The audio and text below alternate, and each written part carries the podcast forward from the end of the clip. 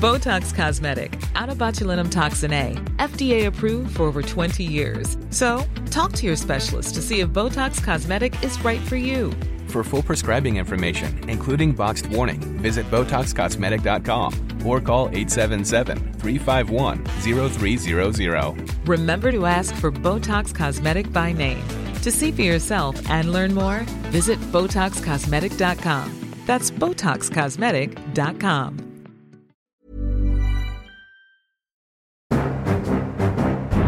Da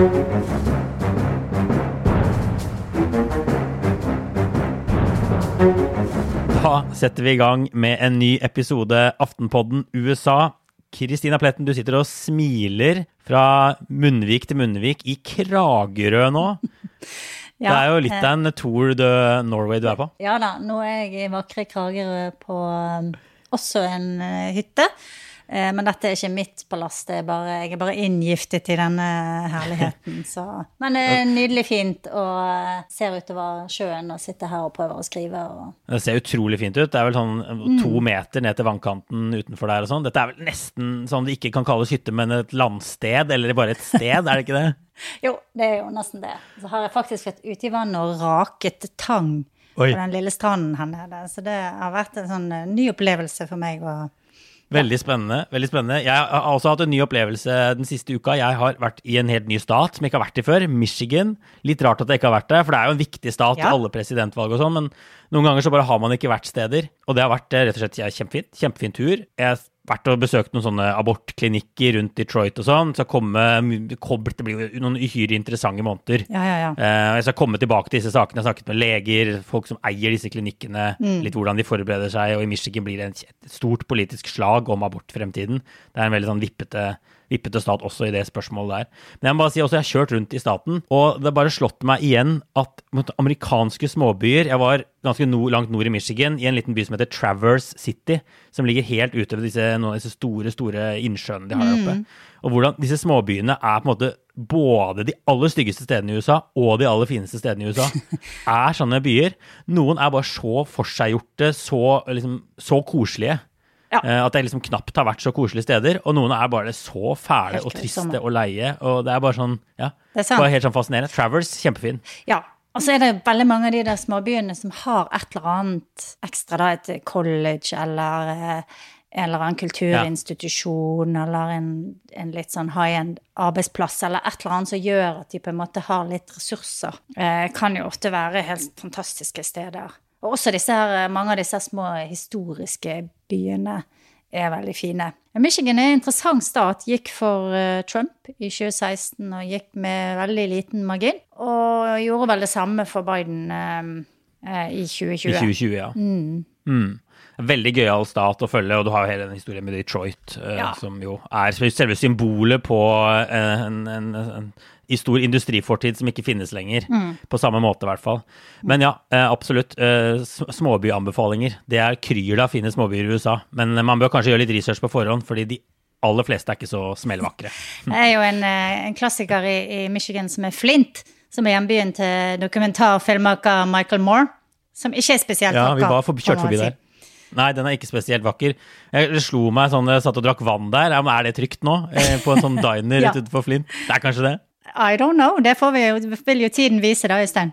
De har sikkert rydda opp i det nå. Mm. Ok, la oss bare skride til dagens hovedtema, da. Mm. Vi har jo snakket en del om Trump og republikanerne og primærvalgene denne våren. Vi har hatt flere podder om det, egentlig. Mm. Eh, og jeg tenkte i dag får vi bare snakke litt rett og slett om, om demokratene.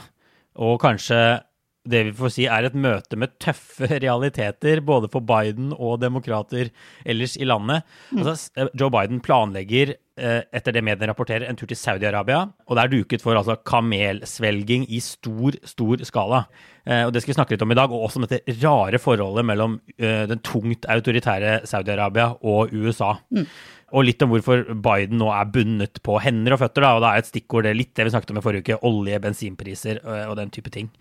Og så tenker jeg bare må kjapt innom eh, primærvalgene i, i California i natt, og den eh, smellen den progressive venstresiden ja. ser ut til å ha gått på der. Absolutt. Men bare først, eh, en runde med, med siden, siden, sist. Eh, jeg får bare starte med å si at det har vært litt sånn overraskende positive signaler fra Washington etter denne skolemassakren i Uvalde i Texas. Mm.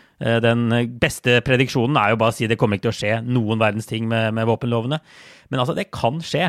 Eh, og det er jo oppsiktsvekkende i seg selv at vi kan si det nå eh, såpass lenge etter. Det er en tverrpolitisk gruppe med senatorer. De sitter og snakker om lover som kan ta våpnene fra potensielt farlige personer.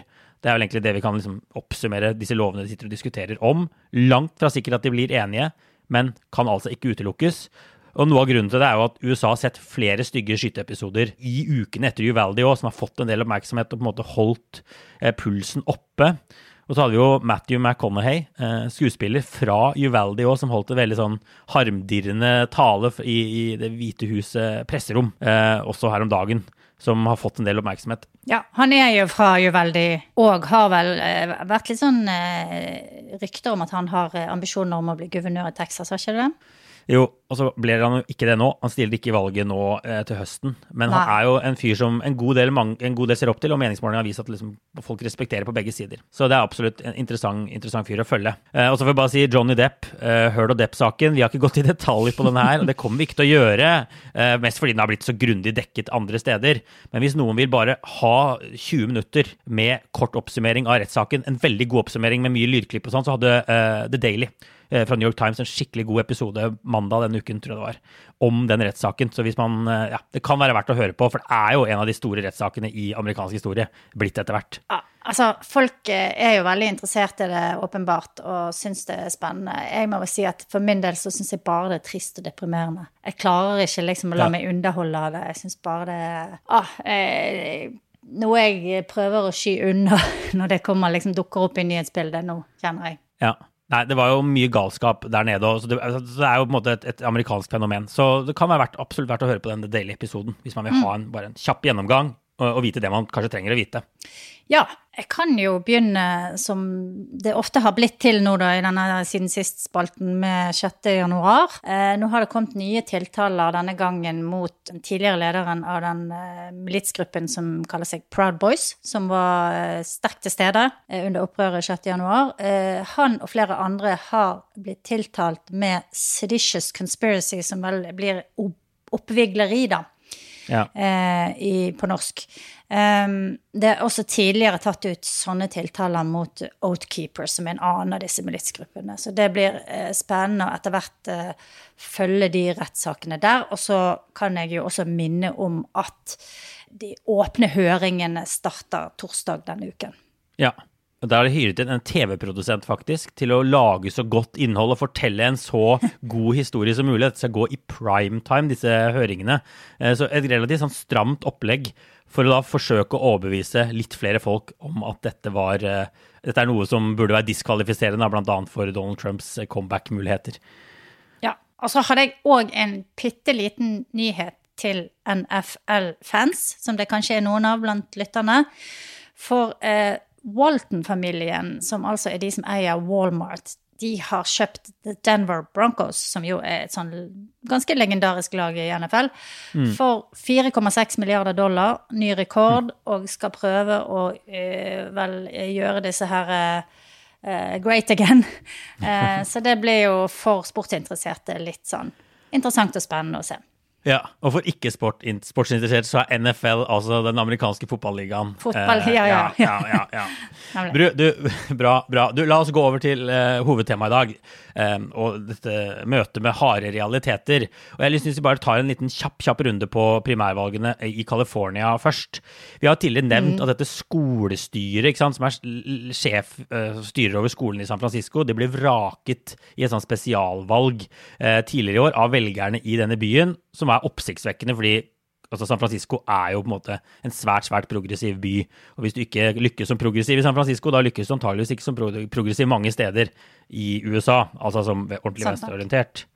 Eh, og nå er det altså klart at eh, Chessa Bodin, byens eh, progressive district attorney, som det heter, altså statsadvokat, på en måte politiets mm. øverste leder, også, han mister jobben De hadde en såkalt recall election i natt, hvor velgerne i San Francisco altså vraket denne mannen. Uh, igjen oppsiktsvekkende fordi det skjer i San, Fran San, Francisco, og at man ikke klarer å vinne igjennom med disse ideene uh, der heller. Mm. Og Bodin var, altså, han var jo en sånn fyr som ville altså, han, han, sa vel han fikk jobben at han ville straffe, ikke, ikke ville straffeforfølge en del typer kriminalitet, bl.a. det som han kalte quality of life crimes, som er sånn offentlig urinering, camping ute i parker, eh, på fortauer, prostitusjon og den type ting. Han ville ha færre i fengsel, disse klassiske ideene, og bruke mm. mer penger på å hindre, forhindre kriminalitet. Eh, velgerne likte det ikke. Nei, og du kan tenke at eh, sånn, en sånn ting som offentlig urinering kan du tenke er kanskje et lite problem, og at uh, ikke noe som liksom påvirker mennesker. Men i, i de store California-byene, særlig San Francisco, San Diego, Los Angeles, så er det så mange hjemløse folk ute i gatene som går på do i gatene, at det er faktisk et kjempestort problem. I San Diego så må de vaske gatene med, med bleach, klorin. Mm. Fordi at det er så mye lukt eh, etter eh, hjemløse som, som, urinerer rundt omkring. Så det er et, eh, eh det er et kjempeproblem, og jeg tror at eh, denne her hjemløskrisen i California har vel preget både det valget som du nevner i San Francisco, og ordførervalget i eh, Los Angeles. Mm. Um, og så har de jo kriminalitet i tillegg, som, som også er en et tema som er, er, til dels vanskelig for progressive politikere nå. ikke sant? Du har økende mm. drapsrater, du har en del uh, crime som uh, gjør at folk blir usikre på uh, denne her progressive ideen om å la være å arrestere folk, la være å sette dem i fengsel, reformere politiet på en måte som kanskje er litt uklart. Flytte ressurser og, og den, og den type ja. ting. Eh, og det var interessant. Det er jo litt sånn anekdotebasert. Vi får bare si at San Francisco er ikke på en måte blitt USAs kriminalitetshovedstad. Altså Drapene har gått litt opp, annen voldelig kriminalitet mm. har gått litt ned, og så har innbruddet sånn gått litt opp, tror jeg. Men da, jeg har en sånn anekdote. Jeg har jo landet på ekstremt mange flyplasser i USA de siste årene, plukket opp en leiebil, og det er ikke noe sted annet enn San Francisco har blitt så eksplisitt minnet på, med sånn, både advarsler på plakater og av utleiefirma at du må ikke ha noe i bilen. Da må du regne med at det blir stjålet. Det må, det må tømmes mm. hver gang du skal forlate bilen. Så det, så det, det, det er jo bare som anekdote fra livet mitt. men men det er litt sånne type ting. da. Det har vært noen veldig sånn høyprofilerte raid av butikker og sånt, som har blitt filmet og som har gått viralt. Så selv om måte, statistikken ikke nødvendigvis er så ille, så, så, er det de tingene der som har blitt hektet på han der Bodin. Og så har han kanskje ikke fremstått som han tar det ordentlig på alvor, da. Og så har velgerne reagert og nå vraket han, rett og slett. Ja, nei, altså Du nevnte ordførervalget i, i Los Angeles også. Mm. Der, eh, det er ikke avgjort ennå. Det er sånn at De to beste går videre til en ny valgomgang fordi ingen fikk 50% av stemmene. Men en av de som går videre, da, og som nå leder for, på foreløpige resultater, er en som heter Rick Caruso, som var republikaner, har vært uavhengig, og så meldte overgang til Demokraten rett før dette valget. Og han er sånn tough on crime, tough on homelessness-type, businessmann, som jo også gjør det svært, svært godt. Ikke sant? Også for eksempel svarte menn har stemt på han i måte, massivt omfang. Mens hans hovedmotstander, da, som er en, en svart dame, eh, hun hadde, gjorde, det da bedre blant, blant, blant, svarte kvinner. Men det er tydelig at han også har hatt en sånn appell blant en del sånn arbeider, litt mer sånn arbeiderklassefolk i LA. Eh, og det ble lest inn sammen med det som har skjedd i San Francisco, som er et ganske tydelig signal til demokratene nasjonalt. Ja, Karen Bass, som er den andre uh, ja. kandidaten, er jo kongresskvinne og var vel så vidt, eller ble litt nevnt, er vel riktigere å si, når uh, Joe Biden skulle velge visepresident. Hun var liksom en av kandidatene som vaket litt sånn i utkanten. I loopen. I loopen, ja. ja. Um, Caruso Jeg ser noen i Facebook-gruppen uh, sammenligner han med Eric Adams i um, New York, som også er litt sånn tøff. York, ja. Eh, ordføreren i New York, ja. som også er litt sånn tøff on crime democrat. Jeg tenker kanskje jeg vil heller uh, sammenligne det med en tidligere ordfører i New York, som er uh, Michael Bloomberg. Som er, ja. var sånn republikaner som konverterte til en slags demokrat. Mm. masse penger. Og, og, har litt sånn samme type profil, vil jeg si da. Ja. Det vil i hvert fall bli antageligvis tatt, trukket noen lærdommer av det som har skjedd i, i San Francisco og, og LA i, i, natt.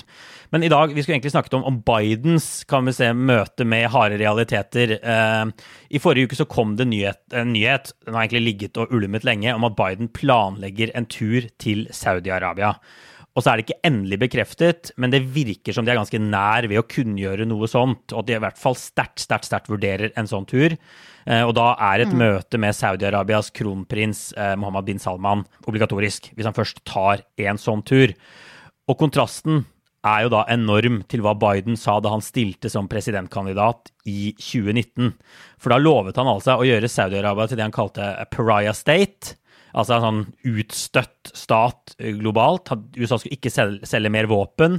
Eh, og han gikk langt i å si at, at, eh, Salman måtte betale prisen for det han hadde gjort, han og de andre i det saudiarabiske lederskapet. Folk tolket det som at det ville komme sanksjoner eller andre sånn, annen type straff mot de. Og Biden ønsket da å markere avstand til Trumps relativt sånn tette og noen vil si ukritiske forhold til, til Saudi-Arabia som, som, president. Er ikke det riktig å si? Det er riktig å si. Og Biden ventet jo kjempelenge med å ringe til Saudi-Arabia. og da ringte han, når han først ringte så ringte han til kongen, eh, ikke kronprins eh, eh, bin Salman.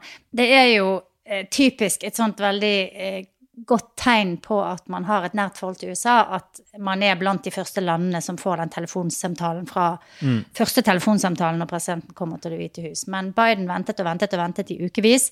Eh, Saudi-araberne begynte å bli litt nervøse. Og samtidig så signaliserte Biden tydelig dette som du nevnte med våpensalg. Altså at eh, han ville holde igjen våpen så lenge denne krigen i Jemen raste. Så han gikk ganske hardt ut eh, mot Saudi-Arabia. Og så må han jo kanskje nå, da, som du sa innledningsvis, eh, begynne med litt kamelspising. Absolutt. Altså, så, så da Biden kom med disse harde utfallene mot, mot Saudi-Arabia i valgkampen, så var jo på en måte konteksten flere ting. Det var borgerkrig i Jemen, mm. eh, hvor Saudi-Arabia Saudi brukte amerikanske våpen ikke sant? og den type ting, som de ville forsøke å gjøre noe med, prøve å løse den konflikten der. Men det var også særlig drapet på Washington Post-kommentator, får vi kanskje kalle han, Jamal Khashoggi som, som var bakteppet for, de, for, det Biden sa. Mm. Og etterretningsbyråene i USA har jo slått fast at ordren om å ta livet av denne journalisten, det skjedde vel i Tyrkia, på det saudi-arabiske konsulatet der, mm. den kom fra øverste hold, fra prins eh, Salman selv. Så, så, det var derfor Biden sa nettopp disse tingene. Ja, og når han endelig ringte til eh, kong Salman, så eh, var det jo også for å si at de kom til å offentliggjøre en rapport om dette mm. mordet på journalisten Khashoggi. Og i den rapporten så ble det jo slått fast at eh, MBS, som man kaller kronprinsen, eh, hadde en ganske sentral rolle og visste om det som hadde skjedd, og hadde vel mer eller mindre eh, bestilt et drap. Ja. Eh, og det gjør jo det på en måte ekstra vanskelig for Biden nå å skulle forsøke å nærme seg eh, MBS igjen, da, når man har eh, satt en såpass heftig merkelapp på en annen statsleder, og så skulle måtte eh, gå en slags kanossagang. Det, det, det, er ikke lett altså, for presidenten. Det er ganske ydmykende, vil jeg tro. Ja, og vi får jo bare si at Kanossagangen startet allerede i fjor, fordi han ø, eh, gjorde som han lovet. Han, han, offentliggjorde den rapporten hvor de klistret ø, eh, MBS til drapet på Kashoggi. Men så valgte han ikke å sanksjonere ø, eh, prinsen eller kronprinsen, likevel. Og det var det jo mange som hadde håpet at han ville gjort. Eh, tilbake da i fjor, så, så, så, allerede der så starter jo på en måte og han å moderere Biden å moderere sine uttalelser fra valgkampen. Og så er det jo liksom virkelig møte med realpolitikken som kommer nå denne våren her. Eh, vi må jo bare si det, ikke det er kjøttvekten, det er eh, kjøttvekten, altså realpolitikken, som vinner over visjoner, festtaler, menneskerettigheter. Det er jo bare så tøft som det. Nå er Biden mest opptatt av å isolere Putin over krigen i Ukraina. Han vil kutte import av russisk olje. Mm. Og da er dette kanskje prisen man må betale, for en av de tingene Biden ønsker å oppnå, er at Saudi-Arabia skal pumpe mer olje for å få ned, eh, ned oljeprisen. Så det bin Salman gjorde, var kanskje Altså, det var en forferdelig ting. Og særlig for oss som journalister, så må vi jo bare absolutt understreke, understreke, det. Men nå virker det som Biden sier at det Putin gjør, er verre, da, på en måte. Målet helliger middelet litt her. Og nå må vi på en måte bli venner med Saudi-Arabia ordentlig. Ja, og så har jo MBS også forsøkt å ta en del skritt i retning av et litt åpnere land. Han har gitt kvinner litt mer eh, frihet. Eh, han har også forsøkt å reformere økonomien. Så han har på en måte, på enkelte felt, har han tatt noen steg i retning av eh, en litt sånn mildere variant og mer moderne variant av Saudi-Arabia. Han ville også gjøre det om til et turistmål. Men, men når det gjelder her, dette internasjonale spillet om oljeprisen, Russland, Saudi-Arabia, så er det jo også en annen komponent her, og det er Iran. Uh, USA mm. har strenge sanksjoner mot Iran som også er en ganske stor oljeprodusent. Eh, mm. Det ser ikke ut til at en ny eh, atomavtale med Iran eh, i hvert fall er på horisonten med det første. Så det de er liksom pest eller kolera for eh, Biden, dette her. Han må, han må velge ja. noen som han må prøve å bli venner med, som kan begynne å produsere mer olje og, og gjøre at prisen kan gå ned. Og det er jo det er jo helt sentralt for at han skal klare å, å få gjenvalg i 2024. Millions of people have lost weight with personalized plans from Noom. Like Evan, who can't stand salads and still lost 50 pounds. Salads generally for most people are the easy button, right? For me, that wasn't an option. I never really was a salad guy. That's just not who I am. But Noom worked for me. Get your personalized plan today at Noom.com. Real Noom user compensated to provide their story. In four weeks, the typical Noom user can expect to lose one to two pounds per week. Individual results may vary. Flexibility is great. That's why there's yoga. Flexibility for your insurance coverage is great too. That's why there's United Healthcare Insurance Plans. Underwritten by Golden Rule Insurance Company, United Healthcare Insurance Plans offer flexible, budget friendly coverage for medical, vision, dental, and more. One of these plans may be right for you if you're, say, between jobs, coming off your parents' plan, turning a side hustle into a full hustle, or even missed open enrollment. Want more flexibility? Find out more about United Healthcare Insurance Plans at uh1.com.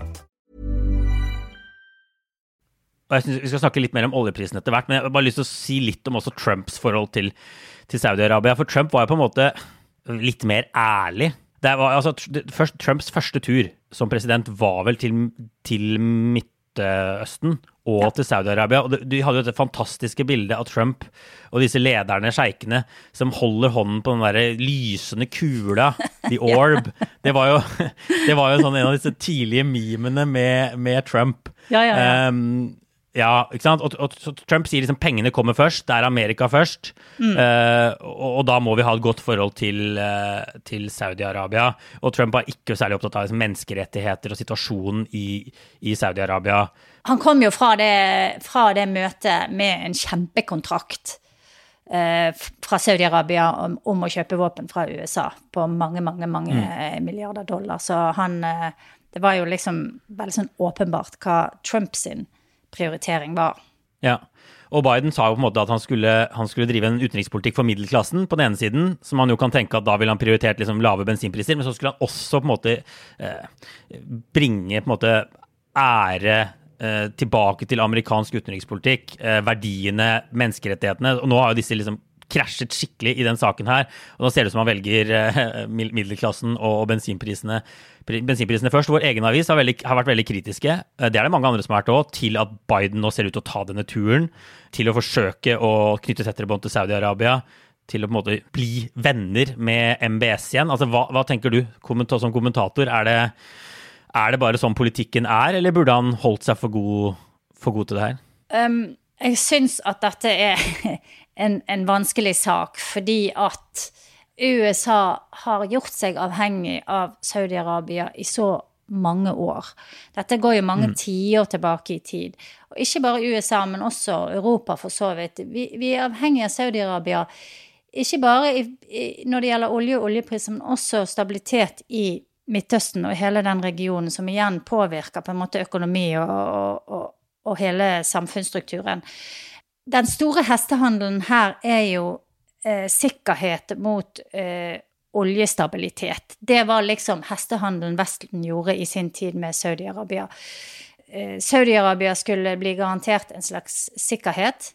I, eh, i, mm. i, blant annet i, forholdet til Iran. Ja. I en ustabil region. Ja. De ser på Iran som sin erkefiende. Til gjengjeld så skulle Vesten, og særlig USA, få stabilitet i oljeprisen. Og det kaller jo eh, Saudi-Arabia for eh, en slags sentralbank, en global sentralbank for olje. De eh, kan liksom skru kranen opp og ned ettersom prisene stiger og synker, slik at den holder seg noenlunde stabil. Så det er selvfølgelig lett å si at eh, nå burde eh, USA og resten av Vesten eh, blir mer prinsippfaste, ikke godta eh, menneskerettighetsbrudd osv.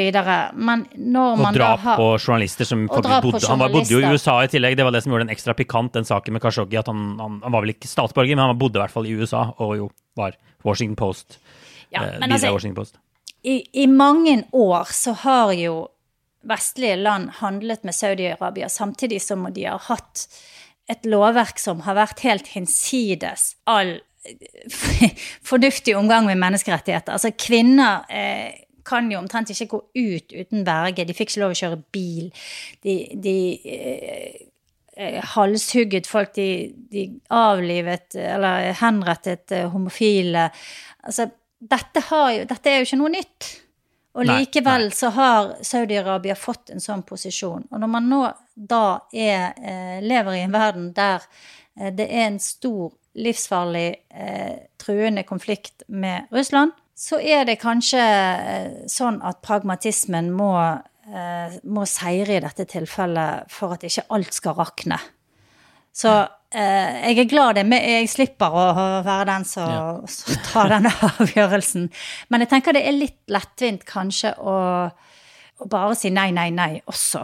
Ja. Eh, jeg, for, jeg forstår at eh, Biden nå må Han er nødt til å gjøre noe med disse bensinprisene og med de økende prisene. Så, og med energiforsyningen, ikke sant. Det, dette henger jo sammen med sikkerhetsbildet, så, så jeg, jeg, jeg, vil ikke Jeg vil ikke, vil ikke være så kritisk til, eh, til at man er nødt til å ta det steget. Nei, for det er det noen demokrater som har vært. eh, Ja det har blitt antydet at det lukter av desperasjon fra Biden at han nå tar dette steget og sånn. Men som sagt, det har vært en del av en endring i politikken lenge. Og det som han kanskje kan kritisere Biden for, var jo å være så, så klar under valgkampen i 2019 og holde noe han som en veldig erfaren utenrikspolitiker burde skjønt at ikke var mulig å, å holde og sanksjonere f.eks. kronprinsen i Saudi-Arabia. Mannen, han er jo kjempeung. Eh, Salman bin Salman MBS, han skal jo være konge der antageligvis i mange, mange tiår. At det ville vært umulig gitt den situasjonen USA er i i dag. Og du nevner jo historien. ikke sant? Olje er viktig. Saudi-Arabia er en enormt viktig oljeprodusent. Et sentralt land i OPEC. Så sto de jo sammen i, i kampen mot kommunismen og sånn. Det er en av de tingene som har bundet Saudi-Arabia og USA, USA sammen i historien. Og så er det kampen mot Iran som har vært, eh, vært viktig. Og så er det pragmatisme over det her. Det er jo veldig lett å si til jeg skjønner jo hvorfor Biden også kritiserer Saudi-Arabia fra scenen som kandidat, fordi det er ikke et populært land i USA heller, Saudi-Arabia. Eh, altså, det er veldig få amerikanere som ser på Saudi-Arabia som, en- som en alliert. Jeg tror det var 4% bare eller noe sånt i en Hugo-måling fra, fra 2018. Så det er veldig sånn et enkelt politisk poeng også å kritisere dem. Men nå har det altså kommet tilbake og eh, bitt Biden i baken, hvis det er noe som heter det på norsk. Ja, men ikke sant, dette er jo komplisert. Dette er litt sånn the enemy of my enemy is my friend. Uh, og som du sier, kong Fad i sin tid, Ronald Reagan, sto sammen mot russerne i Afghanistan, eller mot sovjeterne ble det vel da, i Afghanistan. Og da kjempet jo Osama bin Laden også eh, den samme kampen på deres side.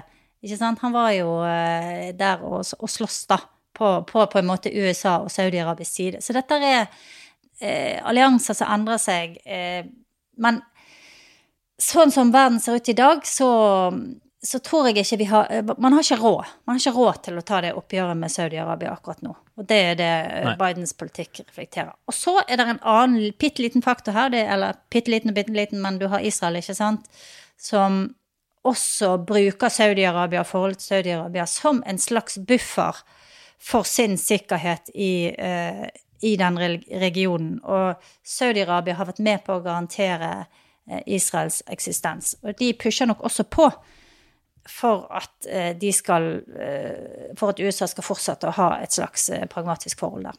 Og det er nok en del ting Biden ønsker å få ut hvis han først velger å, å forbedre forholdet til Saudi-Arabia. Så har jo under Trump så inngikk jo Israel og en del andre stater i Midtøsten sånne økonomiske eh, handels-samarbeidsavtaler. Saudi eh, Abrahams Accord kalte de det. Det er jo en av de tingene som står igjen etter Trump, som, som de fleste, altså mange vil mene er en, en bra ting. Eh, og Saudi-Arabia har ikke signa på det ennå, men det er jo en ting det jobbes med, og som vil være på en måte en fjær i hatten for Biden hvis han får til det. Så det er mulig at dette blir en del av en slags større deal også, hvis han reiser ned der eh, og gjør det. Men altså, ja, bensinpriser ligger jo bak her. Biden er på en måte bundet litt på hender og, og føtter her. Vi snakket i forrige uke om elbiler, og hvor mye altså hvor viktig bilkjøring er for amerikanere, og hvor mye bensinprisen betyr politisk i USA. Og jeg tror det var denne uka så spretter altså bensinprisen opp til det høyeste nivået, i hvert fall sånn nominelt, noensinne. Eh, fortsatt mye lavere enn i, i, i, Norge, men jeg fylte altså bensin på bilen og betalte vel 90 dollar for å fylle tanken sånn. Det Oi. svir for amerikanere ah. eh, å, å, å, gjøre det. Og dette har blitt på en måte også Så de påminnes på høye bensinpriser. Det er noe de minnes om flere ganger i uka når de fyller bensinen. Mm. Og det har blitt selve symbolet på også inflasjonen som skjer under Biden. Økende priser måte over hele fjøla i samfunnet. Så derfor så føler de nok et veldig press på å gjøre et eller annet som kan fungere for å få ned bensinprisen. Og det er da å få Saudi-Arabia til å pumpe, pumpe mer. Og republikanerne har jo blitt en av hovedangrepspunktene mot Biden er jo nettopp uh, å si at han har skylden for de høye bensinprisene. De var kjempelave under Trump, nå er de kjempehøye. Det eneste som er forskjellen på før og nå, er altså Bidens presidentskap. Så de prøver å klistre det til ham på den måten. Og med, med stor suksess, må man vel kunne ja. si. For det at uh, dette her er bare en, eh, en monumental tapssak for Biden hvis ikke han klarer å gjøre noe med det. Sånn er det bare. Det, man kan si at sånn burde det ikke være, men uh, sånn er det bare. Og så er det jo det, det, man kan spørre, ja, ja. Ja, sånn, det man kan spørre seg om, er jo egentlig hvor mye makt Biden har over bensinprisen sånn egentlig. Og mm. det er jo ikke så mye. Det er ikke så mye eh, Den settes jo globalt, ikke sant. Biden kun, han har tatt ut litt olje fra USAs strategiske petroleumsreserver. Han har forsøkt å få selskapene å produsere mer. Så sier republikanerne at han burde bygge ut disse oljerørledningene og sånn. Men det er jo på lengre sikt. Det ville jo hatt relativt marginal effekt på, på oljeprisen i dag. Så han er jo litt maktesløs. Men sånn er jo også politikken. Det er jo realiteten. At eh, selv om Biden ikke kan på en måte trykke på en knapp og, og halvere øh, oljeprisen, så får han skylda, bare. Mm. Sånn er det du har jo en ganske stor eh, oljeindustri i USA etter hvert. Eh, eh, som stort sett består av skiferolje, altså olje fra, som utvinnes fra sånne av skifer i, i bakken. Eh, mm. Men de har ikke økt produksjonen noe særlig de siste månedene, til tross for at prisene nå er så høye at eh, man skulle tro at det ville være lønnsomt for de å liksom bore etter ny olje og, og, liksom gire opp produksjonen, da. Eh, men Financial Times eh, de skriver at uh, istedenfor å gjøre det, så tar disse eh, selskapene eh, de ekstra pengene som de nå tjener, og på en måte putter i lommen, investerer i andre ting, kjøper tilbake sine egne aksjer som de har solgt.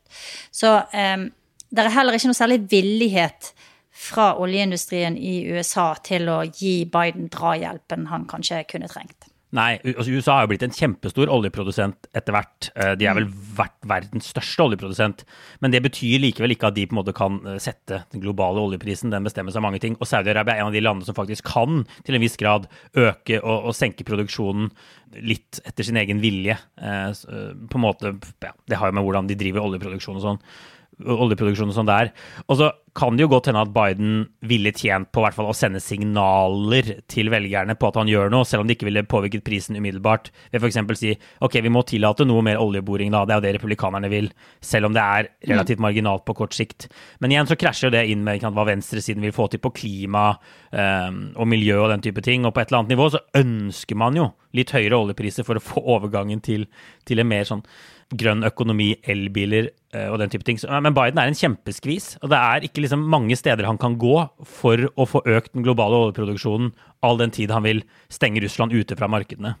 Altså det store, nå, nå, nevnte du på en måte det store paradokset her, som er eh, hvis man skal få gjennomført det grønne skiftet, så må man egentlig eh, ha eh, politikere in office, ikke sant, som faktisk tror på det. Men mm. eh, da må de politikerne samtidig sørge for at ikke bensinprisen går så høyt og inflasjonen blir så stor at de blir stemt ut. Og så kommer det inn noen andre som sier drit i klima, nå bare, eh, nå bare kjører vi på sånn som vi har gjort før. Så det er jo det, det store paradokset for Biden og veldig mange andre klimabevisste politikere i vestlige land. Og så skal det sies at amerikansk skiferolje og for så vidt også norsk nordsjøolje koster utrolig mye mer penger å produsere enn eh, en tønne med olje gjør i Saudi-Arabia. Der kan de omtrent bare stikke et rør i bakken, ikke sant, og så fyker det opp. Så det har jo vært sånn de siste tiårene at saudiarabierne også har spilt et lite spill. Der de har eh, sagt at ok, eh, eh når USA f.eks. begynte å bli veldig store på skiferproduksjon, så forsøkte saudiaraberne å begynne å pumpe ut mer, sånn at prisen falt. Og den falt ganske mye, den ble veldig lav. Og da ble ikke det lønnsomt for disse amerikanerne å, å lage olje lenger. Og det er jo kanskje det de har i bakhodet nå. ikke sant? Hvor lenge vil saudiarabierne samarbeide? Saudi har vært veldig klar. Vi skal være de som produserer den siste dråpen med olje.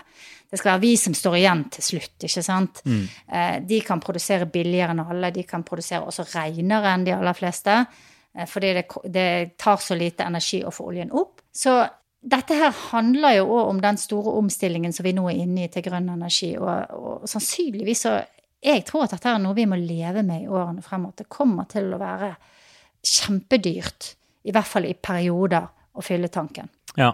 Og så sa du tidligere pest eller kolera, uh, Bidens ja. dilemma her. Hvis vi bare ser på hvilke land som har uutnyttede reserver, da, som de kan på en måte øke produksjonen av, så er det ikke, ikke så fremstår plutselig ikke Saudi-Arabia som så ille lenger for USA, da, gitt USAs utenrikspolitikk og sånn. For da har du Venezuela, uh, som har bare enorme oljereserver men som jo er umulig politisk. Eller ikke helt umulig, da. Altså, USA forsøker å få til noe, men de har ikke sant, president eh, Maduro altså For at USA skal få til noe der, så må de få i gang noen forhandlinger med opposisjonen, som USA anerkjenner som den legitime presidenten i Venezuela. Det er ikke bare å oppheve på måte, sanksjonene på oljeeksport fra Venezuela over natta. De må også få til noe politisk først. Eh, mm. Men det er jo et, et, et alternativ. Og så har du nevnt allerede da, Iran. Også store oljereserver kan øke eh, oljeproduksjonen betydelig. Men USA kan ikke bare fjerne sanksjonene på Iran uten at de får på plass en ny avtale som hindrer utvikling av atomvåpen. ikke sant? Så dette er skvisen Biden står i. Eh, Saudi-Arabia, Venezuela, Iran. Hva velger du? Da velger han i hvert fall Saudi-Arabia. De prøver vel å velge alle her, da. Det er ikke noe som tyder på at en Iran ja, det er ikke noe som tyder på at en er, en ny Iran-avtale er like rundt hjørnet heller. Mm. Og, og, alt dette har jo både innenriks- og utenrikspolitiske konsekvenser, ikke sant. Eh, gir man eh, Iran eh, Løfter man sanksjonene der, så kan Iran begynne å yppe seg i regionen og eh, forrykke eh, maktbalansen på en måte som kan være veldig kostbar for både USA og andre. Bra. Da har vi beskrevet dilemma, så får vi se hva Biden velger. Det er ikke umulig at det blir en tur til Saudi-Arabia ganske snart, i hvert fall. Men vi får ta en runde med obligatorisk refleksjon til slutt. Kristina, hva har du tenkt på siden forrige uke? Du, jeg har egentlig lyst til å holde meg litt nede i eh, regionen der i Midtøsten og anbefale rett og slett en TV-serie denne gangen som heter Teheran. Ja. Som ligger på Apple pluss TV, eller hva det heter. Strømmetjenesten ja. til Apple. Uh, den er kjempespennende. og den er jo produsert av eh, et israelsk eh, produksjonsselskap. Handler om en Mossad-agent som er eh, embedded eller er i, eh, i Teheran og jobber. Så mm. det er nok litt sånn Man får ta det liksom med, med det politiske perspektivet in mind. Men jeg syns den er veldig spennende og kjempegod, og andre sesong eh, holder på å eh, sendes nå, da. Så det er, dette er en god mulighet. Teheran er anbefalingen. Mm. Ja. Har du sett den? Nei, jeg har ikke sett den. Ja? Det høres ut som jeg bør.